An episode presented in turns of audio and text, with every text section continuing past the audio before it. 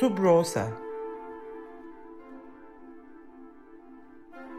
Klasik müzik dünyasında sürdürülebilirliğe dair.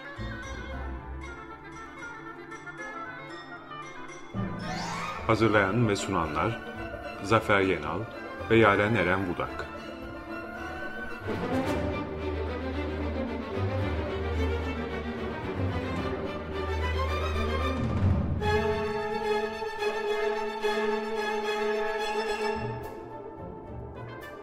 Tekfen Flamoni'nin katkılarıyla. 95.0 Açık Radyo'da yeni bir Subroza programıyla karşınızdayız.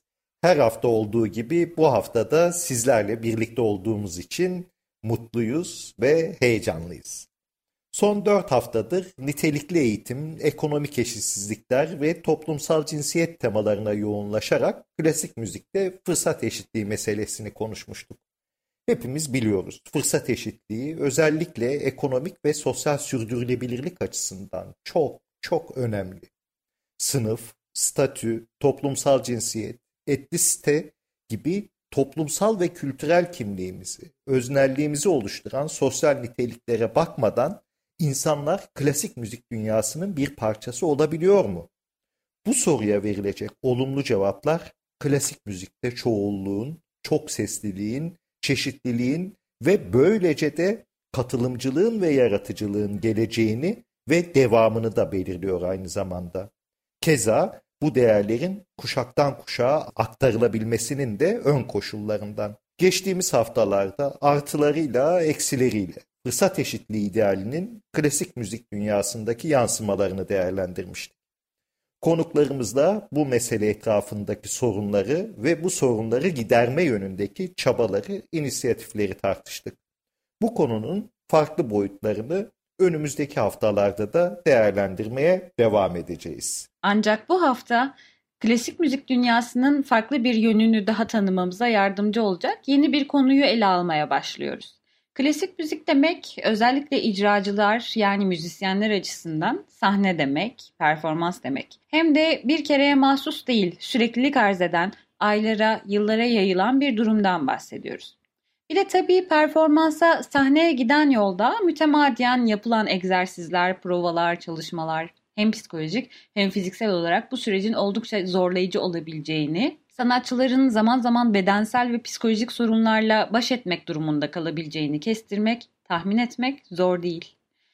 Biz bugün hazırlanma aşaması da dahil olmak üzere performans sürecinin daha çok psikolojik boyutuna odaklanacağız. Ee, bu süreçte eğitimin yerini değerlendireceğiz.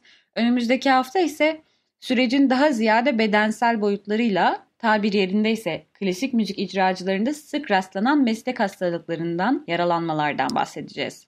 Sahne heyecanı, sahne korkusu ve anksiyete ne kadar yaygın müzisyenler arasında? Bu engellerle nasıl baş edilmeli? Sahne korkusu ve anksiyete gibi rahatsızlıkların toplumsal bir arka planında var mıdır? Bu mesleki psikolojik rahatsızlıklar kültürden kültüre değişir mi örneğin? Eğitim hayatı bu problemlerin önüne geçebilir mi? Önleyici çözümler geliştirilebilir mi?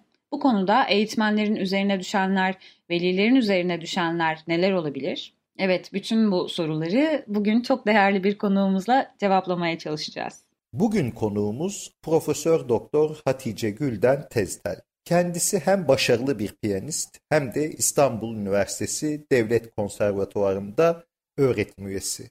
Her başarılı piyanist gibi çok küçük yaşta başlamış piyano çalmaya ve daha sonra İstanbul Belediye Konservatuvarı'nda Ova Sünder'in öğrencisi olmuş. Robert Kolej'den sonra Amerika'da Oberlin Konservatuvarı'nda kazandığı bursla piyano performance programından mezun olmuş. Testel birçok festivalde, birçok ülkede rezitaller vermiş, farklı orkestralarla, gruplarla birlikte çalmış. Gülden Testel'in aynı zamanda yine çok başarılı bir akademik kariyeri var. Yüksek lisans derecesini İstanbul Üniversitesi Devlet Konservatuvarı'ndan aldıktan sonra İTÜ Doktor Erol Üçer Müzik İleri Araştırmaları Merkezi'nde bildiğimiz kısaltmasıyla MİAM'da doktora çalışmalarını sürdürmüş ve bu çalışmalarını 2007 yılında tamamlamış. Doktora tezinin konusu müzisyenlerin performans endişesiyle yani bugün konuşacağımız konuyla doğrudan alakalı. Hafta başında Gülden Hanım da bizim için yine çok aydınlatıcı, çok öğretici bir söyleşi yaptı. Şimdi o sohbete kulak vermeye başlıyoruz.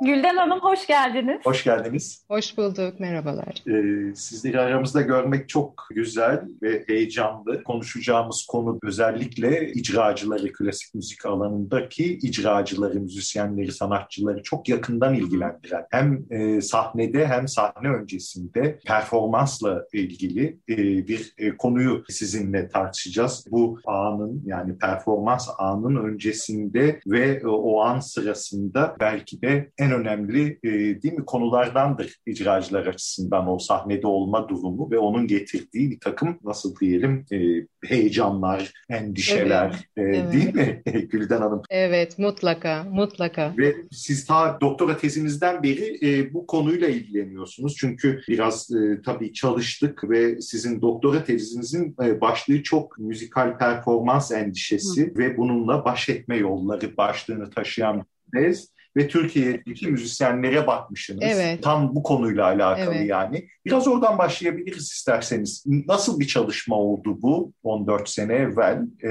ve e, o, o, o zamandan bu yana ne değişti, değişmedi? Biraz konuşalım mı? Tabii seve seve. E, öncelikle ben de çok çok mutluyum sizlerle birlikte olduğum için. Çok teşekkür ediyorum davetinize. E, şimdi ben kişisel olarak e, tabii piyano eğitiminden geliyorum ve aynı zamanda psikolojiye de çok ilgi duyan bir insan olduğum için sahne psikolojisi, e, performans kaygısı konuları hem sahne icrasını hem de psikoloji alanını birleştiren bir konu olarak çok ilginç ve çok beni motive edici bir alan oldu açıkçası.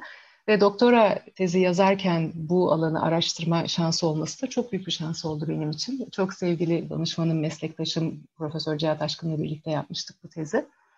Onun danışmanlığında yazdım. Müzisyenlerdeki genel olarak görüşmelerle e, bu konunun ihtiyacı, insanların, icracıların düşünceleri ve esas olarak da tabii ki literatürünün sunduğu çözüm yöntemlerinin ilk aşamada belirlenmesi yani çözüm odaklı e, bir şey olması çok çok önemliydi benim için ve çok önemli bir alanın kapılarını açtı. Daha sonraki yıllarımda da hep araştırmaya devam ettim. E, çok büyük bir şans eseri öncelikle hem benim kendi kurumumda hem de İstanbul Teknik Üniversitesi Türk Müziği Konservatuvarı'nda bununla ilgili dersler var. Bu derslerin e, sürekliliği, öğrencilerin yetiştirilmesi, alanlarında bilgilendirilmesi açısından çok önemli olanaklar oldu. E, o yıllarda çünkü e, benim bildiğim kadarıyla bununla ilgili bir eğitim formatlanmamıştı, sunulmuyordu öğrencilere bu yıllardan sonra bunun eğitim e, programları içine konulmuş olması hmm. gerçekten çok büyük artılar oldu diye düşünüyorum. E, çok zengin bir konu. E, her zaman öğrencilere gelişimi açısından çok yararlı olduğunu düşündüğüm bir konu. Çünkü çok ama çok yaygın bir problem aslında sahne heyecanı. Dolayısıyla çok artı pozitif gelişmeler olduğuna da inanıyorum hmm. zaman içinde. Bu arada küçük Küçük bir e, izninizle terminoloji bilgisi vermek istiyorum. Şimdi bizim burada konuşacağımız konu evet. sahne ve kaygı üzerine ve yaşadığımız semptomlarda kaygı ile ilgili semptomlar. Ama biz müzisyenler gündelik bazda konuşurken Yarın Hanım da çok çok iyi bilir. Aslında kaygılandım demeyiz. O durumu anlatmak için heyecanlandım deriz. Yani öğrenci çok heyecanlandı ve çok kaybetti gibi söylemde bulunabiliriz. Bu heyecan kelimesini ben de zaman içinde kaygıyla program içinde dönüşümlü olarak kullanacağım. Hı hı. E, bu işte kaygı anlamına gelen yani heyecanı negatif bağlamda kullandığımız bir terim. Hani bunu da bir açıklamak istiyorum. Müzisyen olmayan en azından dinleyicilerimiz varsa onlar için. Peki Gülden Hanım biraz somutlaştıralım mı durumu? Yani bu kaygı, Hı-hı. bu anksiyete e, nasıl vücut buluyor ve nelere nelerle sonuçlanıyor? E, yani müzisyenler için bir mesleki rahatsızlık diye geçmesinin sebebi ne? Çünkü aslında günlük hayatta herkes ufak tefek e, irili ufaklı kaygılar yaşıyorlar. Tabii. Bunu müzisyenler için mesleki rahatsızlık haline getiren durum nedir? Biraz belki örneklerle açıklamak ister misiniz? Tabii. E, şimdi bildiğimiz gibi insan oğlu herhangi bir tehditle karşı karşıya kaldığı zaman e, vücudunda belli değişiklikler oluyor. Yani bu bizim evrimsel olarak aslında o tehlikeye karşı önlem alabilmek, o tehlikeyle ilgili bir şey yapabilmek, ya ondan saç, kaçabilmek, onunla savaşabilmek adına ortaya bazı değişimlerimiz çıkıyor. Şimdi gündelik bazda da tabii ki kaygılar mutlaka ki belli oranlarda, belli durumlarda hissedebiliyoruz. Ama sahneyle ilgili tarafında enteresan bir şey oluyor. İcracı sahne performansının sonucunda ortaya çıkacak olan, çıkma ihtimali olan değerlendirmeyi ve eleştiriyi aynı kendisinin fiziksel bütünlüğüne bir tehdit oluşturan bir unsurla karşı karşıya olduğu zamanda olduğu gibi bu eleştiri de bir tehdit olarak e, algılıyor ve belli vücut bir tepkimeye giriyor. Ne oluyor işte vücudumuzda? Kaç veya savaş sendromuna giriyoruz. E, bununla ilgili sizlerin e, istediği takdirde daha detaylandırmasına da girebiliriz. İşte kalbimiz çarpıyor, kaslarımızda gerilimler olabiliyor, ellerimiz titreyebiliyor gibi bir sürü farklı e, unsur, semptom yaşayabiliyoruz. Ve işte bunlar aynı zamanda e, heyecanın zihinsel öğeleriyle de körüklenebiliyor. Zihinsel öğeleri ortaya çıkabiliyor ve e, çoğu kişi içinde çok e, rahatsızlık verici, huzursuzluk verici ve her şeyin ötesinde de tabii performansın kalitesini negatif olarak etkileyici bazı durumlar ortaya çıkabiliyor. Yani meslek hastalığı diyoruz. Sahne kaygısının herhalde en büyük engeli kişinin potansiyelini sahnede ortaya koymasına karşı olan engeli. Ee, siz de çok iyi biliyorsunuz herhangi bir klasik müzik performansı, klasik batı müziği performansına çıkabilmek için çok uzun soluklu, kapsamlı çalışmalar yapılması gerekiyor. Belli seviyelerdeki eserlerin çalınabilmesi için kimi zaman yıllarca oluşturulan bir birikimin ortaya konması gerekiyor.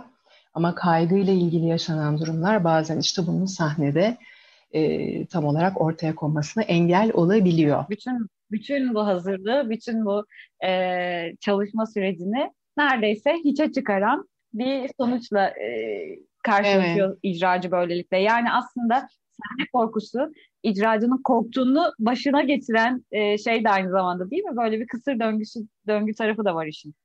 Kesinlikle çok çok doğru bir noktaya değindiniz. Özellikle öğrenciler açısından bu çok görülen bir şey.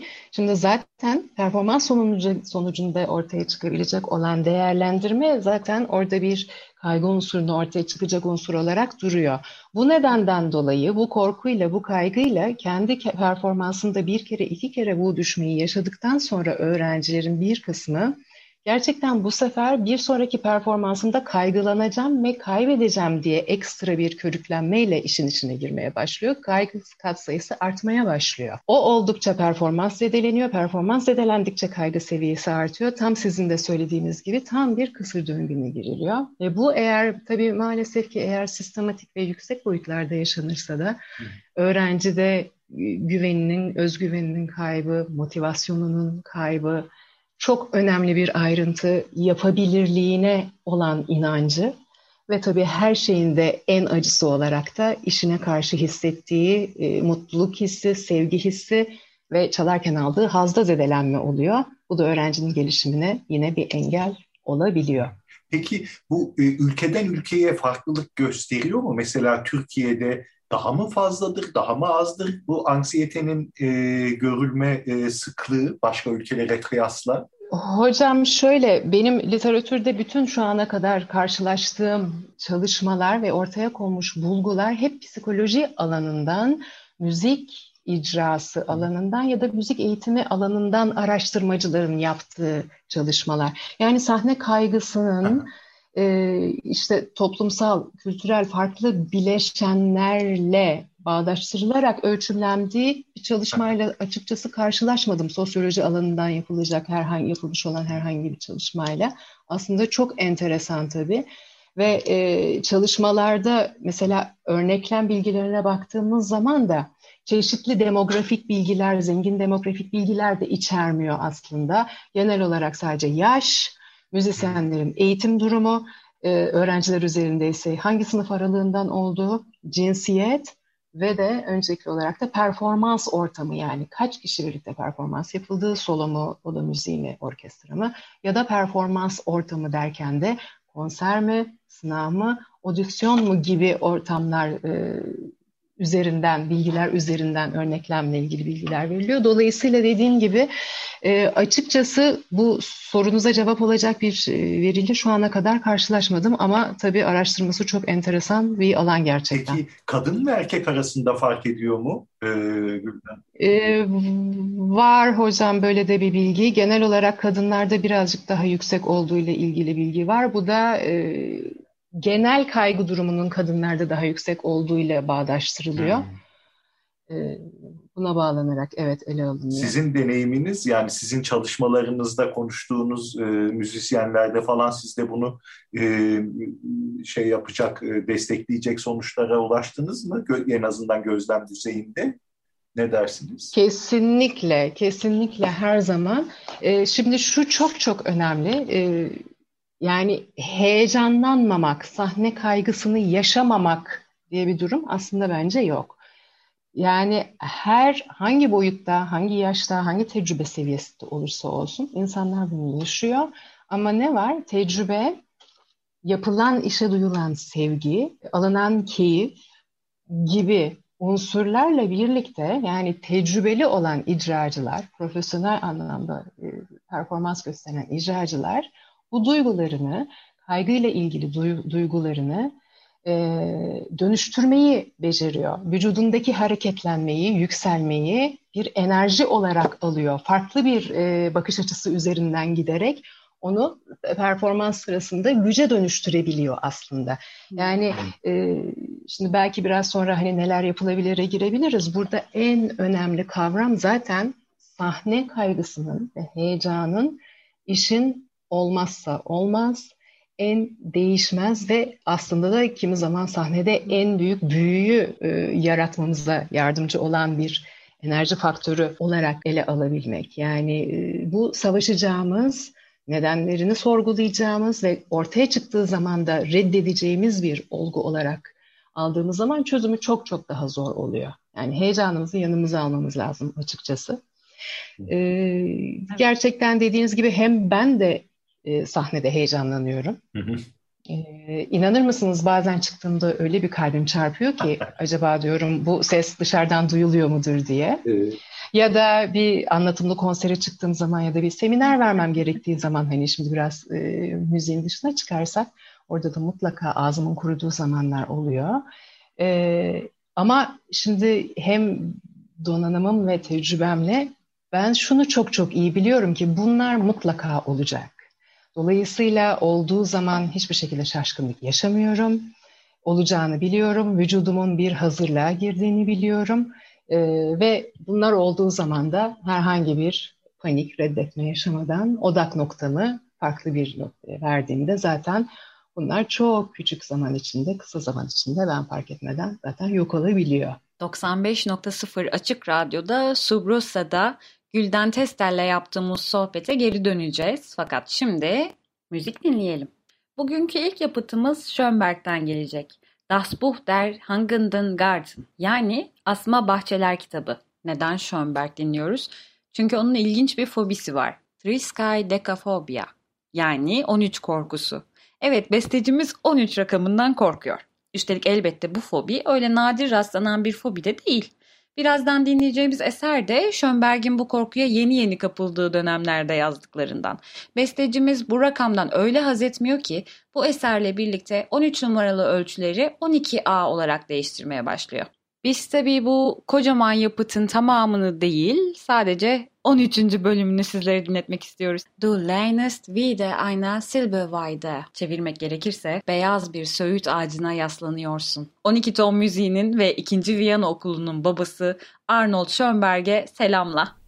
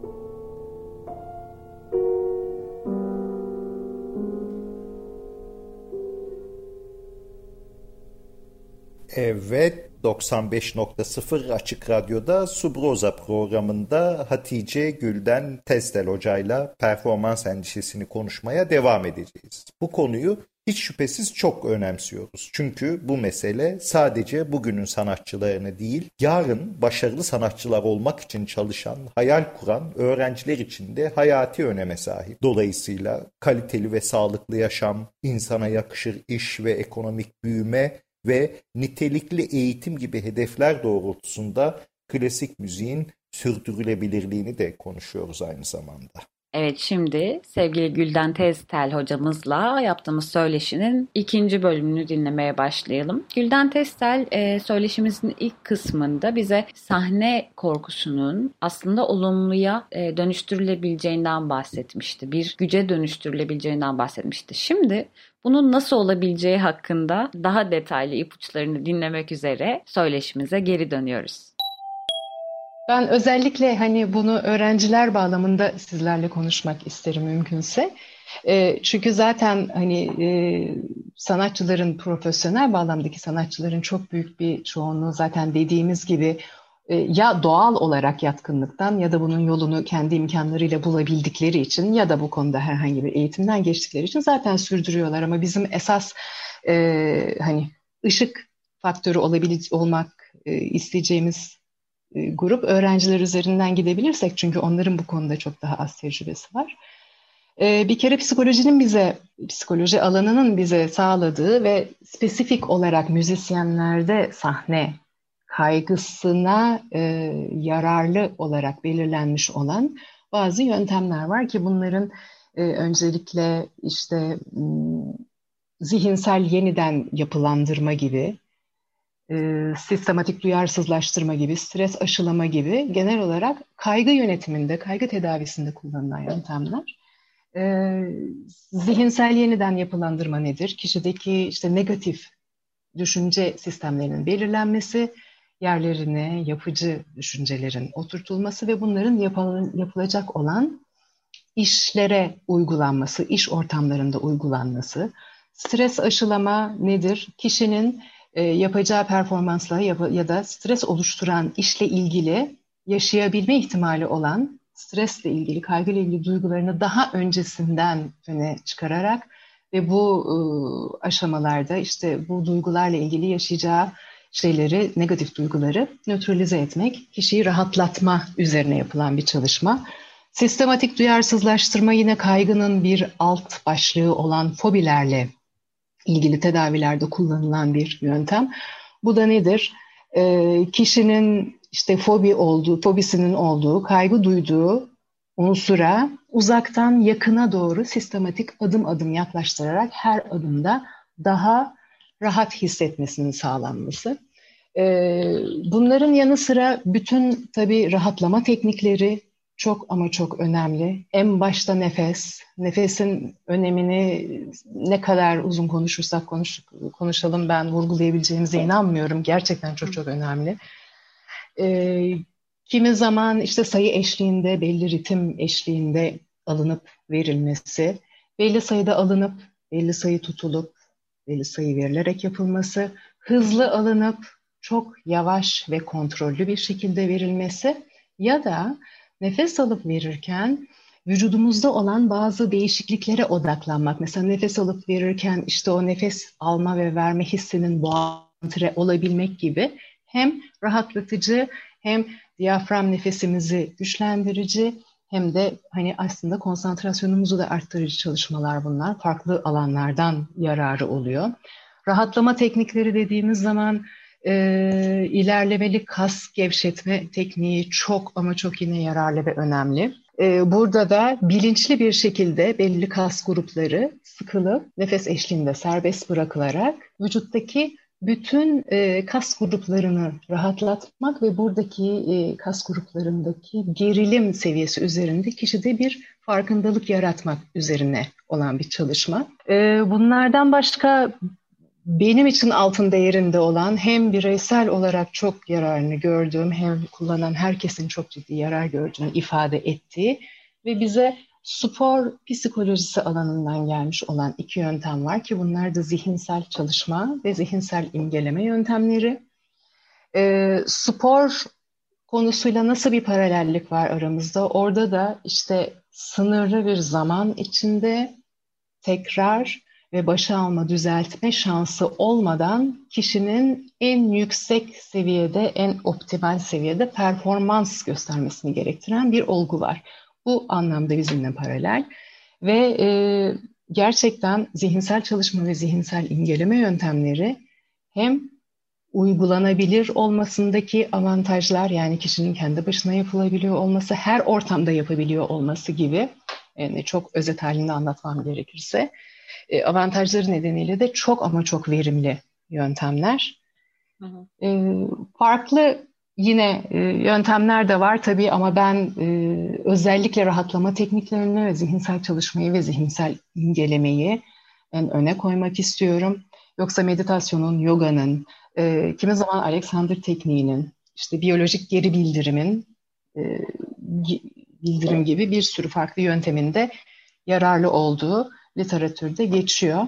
Son olarak izninizle bir neyi yapmayalım, neyi önermeyelim üzerinden de bir küçük bir noktaya değinmek istiyorum. Çünkü e, klasik müzik icrasında hem bazı icracıların ve kimi de öğrencinin bu e, sahne öncesinde daha sakin, daha huzurlu olmak için beta bloker başlığı altındaki kalp damar hastalık ilaçlarının yani hani büyüklerimizin işte çarpıntıya falan karşı aldığı ilaçların bir rahatlama yöntemi olarak kullanıldığını zaman zaman görebiliyoruz. E, şimdi burada programımızın genel ana fikri de sürdürülebilirlik ise bu sahne kaygısıyla başa çıkma bağlamında kanımca kesinlikle sürdürülebilir bir şey değil. Bir kere ne olursa olsun doktorların e, gözetiminde olmadan alınan ilaç konusu son derece tehlikeli. Uzun süreli ilaç alındığı zaman bünye o dozajına işte alışkanlık sağlıyor ve etki etmemeye başlıyor ve aynı etkiyi oluşturabilmek için daha yüksek seviyede bir dozaj gerekiyor. Ve her şeyin de ötesinde bir e, müzik icracısının çok genç yaşta sınavlarla insan önünde e, performansa girdiği, başladığı ve hani uzun, çok uzun, çok yaşlılık yıllarına kadar e, performans devam ettiği bir süreç üzerinden gidersek de yani bütün hayatını ilaç alarak mı sürdürecek sahne hayatını son derece problematik e, ve sahneyle ilgili bütün duyguların aslında doyasıya yaşanması da işin güzelliğine çok bir yandan da katkıda bulunan bir şey. Birazcık da bu yönde bakarak e, mümkün olduğu kadar bunları kullanmamak gerektiği düşüncesindeyim. Bunu da paylaşmak istiyorum. Evet. O kaygının ve anksiyetenin de aslında bir işlevi var dediğiniz gibi ve evet. e, bastırmak değil dediğiniz gibi dönüştürmek çok sağlıklı geliyor e, kulağa. Evet. şöyle şöyle bir e, şey anımsattı bana söyledikleriniz. Profesyonel müzisyen haline gelene kadar konservatuarlarda ya da benzeri okullarda defalarca sene içinde jüri evet. karşısında çeşitli performanslar gerçekleştiriyorlar. Evet. Belki konserden, konser vermekten, tanınmayan bir kalabalığa çalmaktan bile daha stresli bir durum. Yani çünkü orada jüri onlara puan vermek için e, var ve kesinlikle e, öğrenci buna e, ben hatırlıyorum yani bir senede en az e, 12-13 kez maruz kalıyordum işte e, vizeler, finaller, şunlar bunlar. Evet. Bu e, jüri karşısındaki performansların aslında e, kendiliğinden sistematik duyarsızlaşma dediğiniz e, rahatlama şekline denk düştüğünü söyleyebilir miyiz? E, birisi profesyonel müzisyen olduğunda zaten e, yüzlerce kez o stresi yaşıyor ve bir şekilde yolda belki de onunla baş etmeyi öğreniyor. E, ne dersiniz? E, yani mutlaka ki sık sık insan önünde çalmak bu konudaki daha fazla rahatlamanın ve bu konuda daha e, keyifle yapabiliyor olmanın en büyük adımlarından bir tanesi. E, sistematik duyarsızlaştırma evet olunabilir. Şu e, şekilde yani mutlaka araya rahatlama unsuru konabilirse yani sistematik duyarsızlaşmanın çünkü en önemli unsuru hani uzaktan yakına doğru giden ve her adımda kişinin rahatlatıldığı bir yöntem. Hmm. Hani burada en başta atıyorum öğrenci daha küçük bir arkadaş grubuna, daha sonra daha tanımadığı, daha sonra jüri ve daha sonra işte jürideki önemli olan tabii bir çok ciddi bir değerlendirme olması sonucunda. Yani stres kas sayısını arttıracak bir düzende gittiği zaman hani belki sistematik duyarsızlaştırma konusuna e, daha paralel olarak çizebilmemiz mümkün olabilir. Evet, Hatice Gülden Tester'le yaptığımız sohbetin ikinci yarısının da sonuna geldik. Birazdan onu onunla yaptığımız sohbeti dinlemeye devam edeceğiz. Şimdi bu hafta için seçtiğimiz ikinci e, yapıtı dinlemeye geçelim. Schubert'in ardından şimdi de Schumann dinleyeceğiz. Schumann'ın disosyatif kişilik bozukluğundan muzdarip olduğunu biliyoruz. Bu rahatsızlığın yansımalarından bir tanesi eserlerini imzalarken iki ayrı e, isim kullanıyor olması. İki ayrı imza, iki ayrı mahlas kullanıyor olması. Bunlardan iki tanesi Eusebius ve Florestan. Bu iki ayrı imza kendine yarattığı iki farklı karakter özelliğinin bir yansıması olarak değerlendiriliyor. Bu eserde de Eusebius ve Floresta'nın ilk çıkışını ve farklı karakterlerini dinliyoruz. E, Schumann Karnaval Opus 9, icracımız piyanist Claudio Arau ve e, kayıt 1961 yılında gerçekleşmiş. Biz bu yapıtın 5. ve 6. bölümlerini dinleyeceğiz. E, bu bölümlerin isimleri de evet Eusebius ve Florestan. Buyurunuz.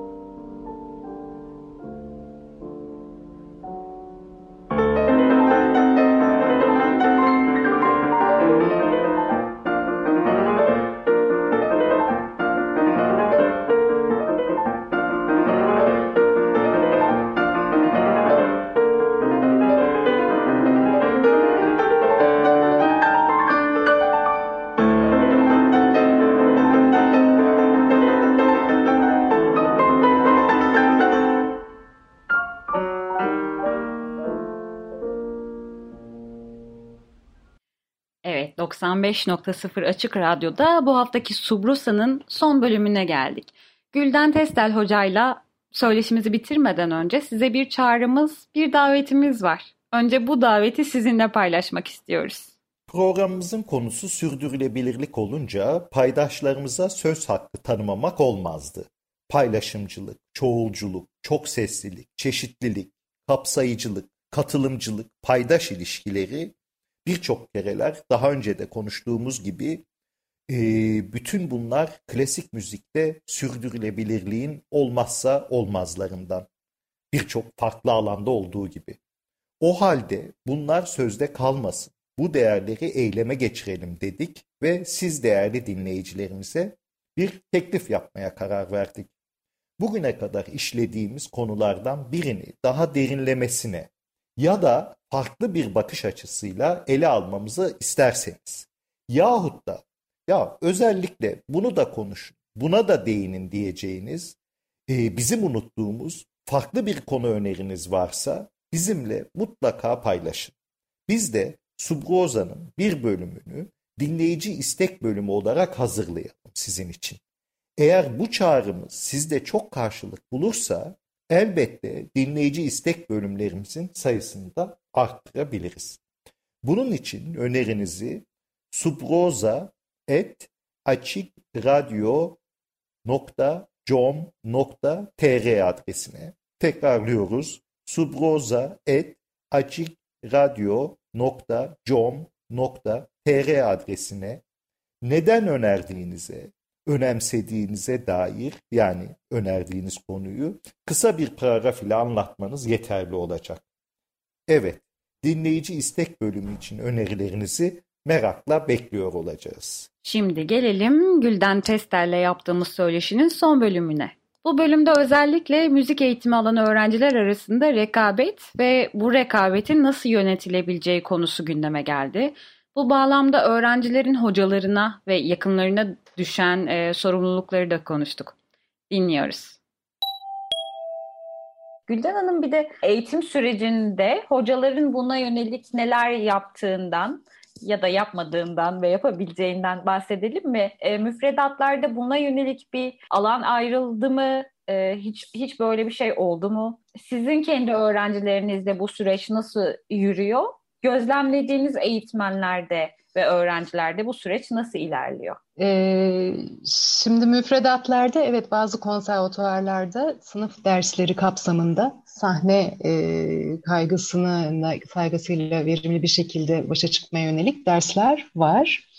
E, bireysel anlamda da bu tamamen tabii bireysel hocanın kendi donanımı ve birikimiyle bağlantılı olan bir sistem bu. Ben açıkçası konservatuarlarda buna bağlı olarak sistematik bireysel ders bağlamında yapıldığını e, çok e, net olarak bununla ilgili bir bilgim yok. Çok da karşılaşmadım açıkçası.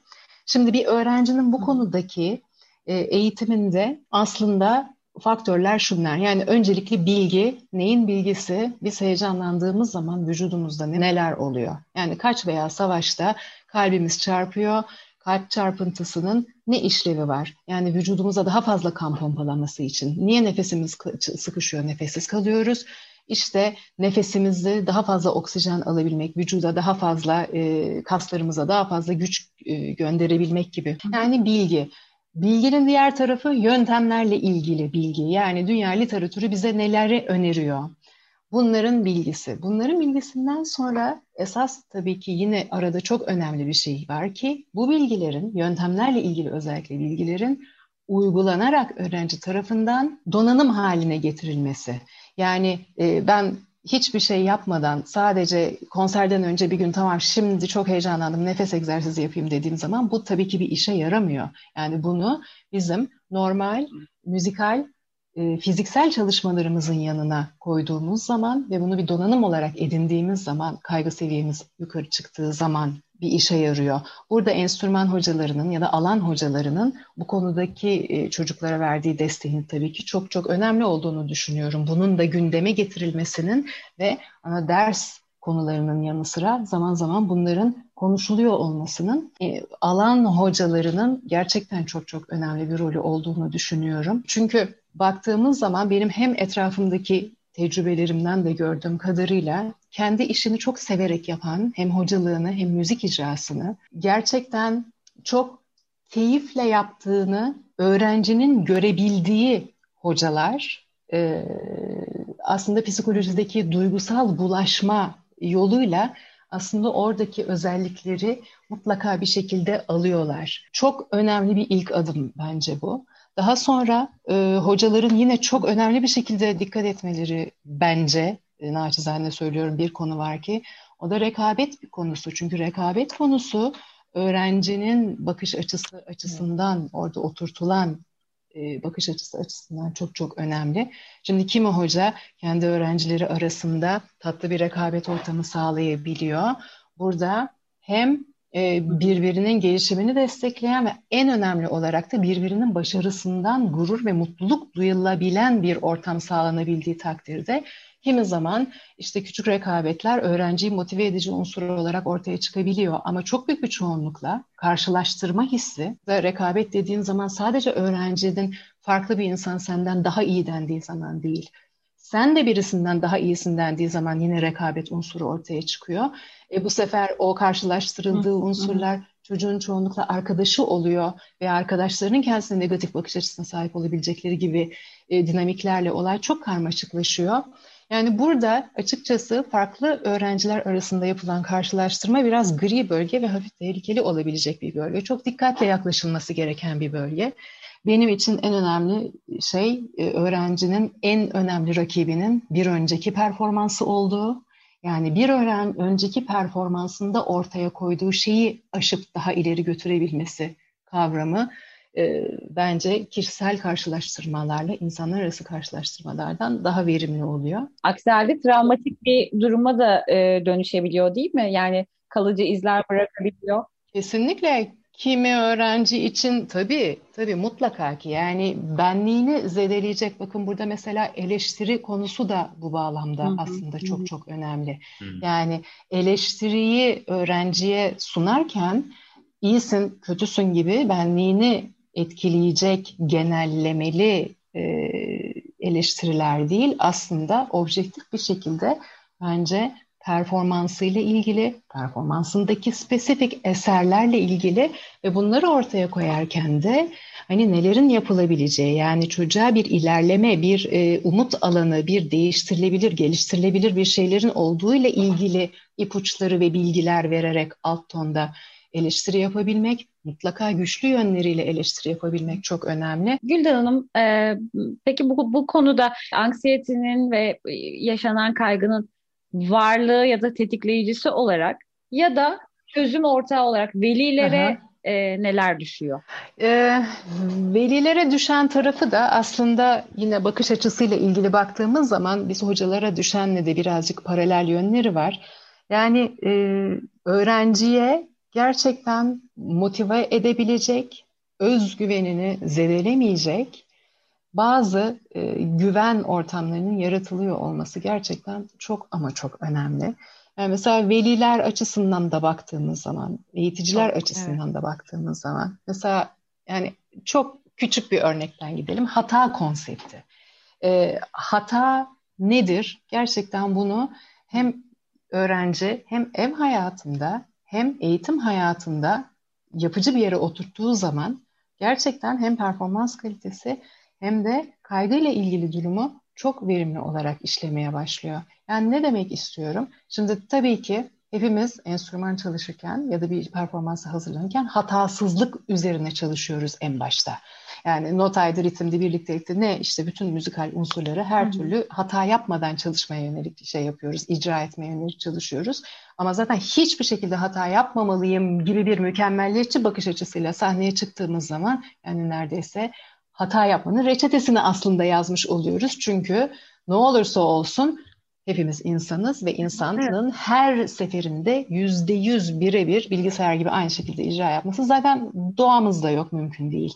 Ee, burada işte hatayı, yani mesela bir e, sınava giriyorsak, o sınavda yaptığımız hataları ya da herhangi bir yerde yaptığımız hataları ne şekilde değerlendirdiğimiz gerçekten çok ama çok önemli. Hatanın işte bu şekilde Öncelikle ama üstüne basa basa söylemek isterim ki çok ciddi bir çalışma yapıp hata yapma iznini hak edebilmek lazım. Yani ben burada tabii çalışmadan yap, çıkılan bir performanstaki hatadan elbette ki bahsetmiyorum. On, ciddi hazırlandıktan sonra hataya, hata yapabilme potansiyeline izin verir bir yaklaşımla ortaya çıkabilmek ve bunu hem ailede hem de hı hı. E, eğitici olarak yani öğrencilerimiz üzerinde bunu öğretebilme. Hata yaptığı zaman ne olduğunu çocukla konuşabilme.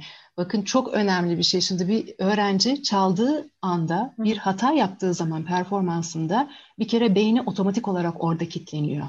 Şimdi çalmaya devam ediyor çünkü somatik hafızası devam ediyor ama beyni orada kilitleniyor sorgulamaya başlıyor, kendisini yar, negatif yargılamaya başlıyor. Kimi zaman belki en başta adrenalin salgısıyla ortaya çıkan fiziksel semptomları zaman içinde belki düşmüşse de böyle bir şey yaşadığı için panik haliyle tekrar şey yapıyor ama çalmaya devam ediyor. Şimdi icracı orada kitleniyor ama dinleyici nerede? Dinleyici ama müziğin devam ettiği yerde. Dinleyici o hatada kitlenmiş olmuyor. Dolayısıyla da öğrencilere böyle şeyler olduğu zaman gerçekten devam edebilmesi gücünü kaybetmemesi, etken rolünden edilgene geçmemesi açısından e, bununla ilgili bilgilerin ve paylaşımların yapılması zaman zaman çok önemli.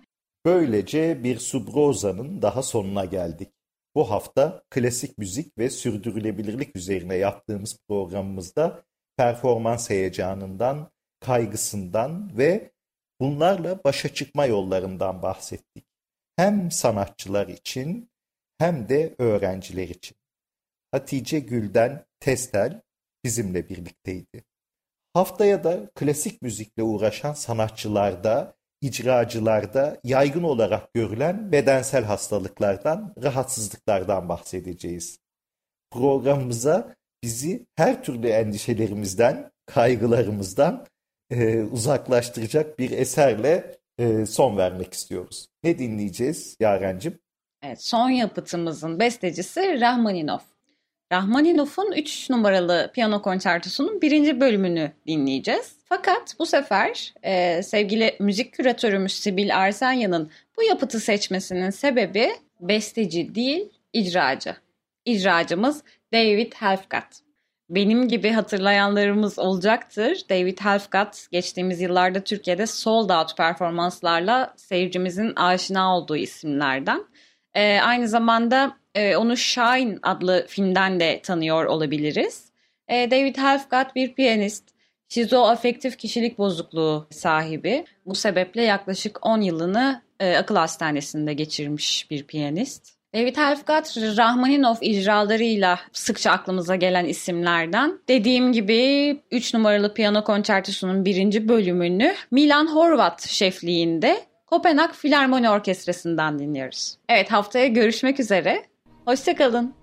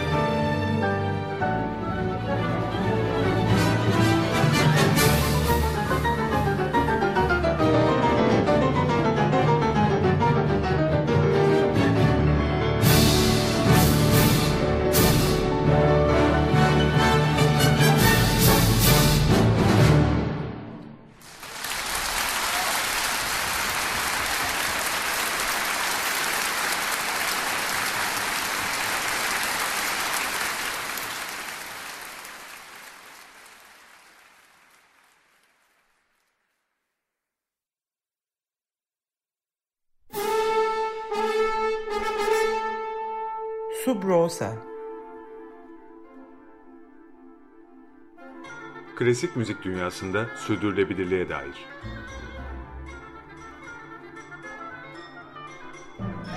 Hazırlayan ve sunanlar Zafer Yenal ve Yaren Eren Budak.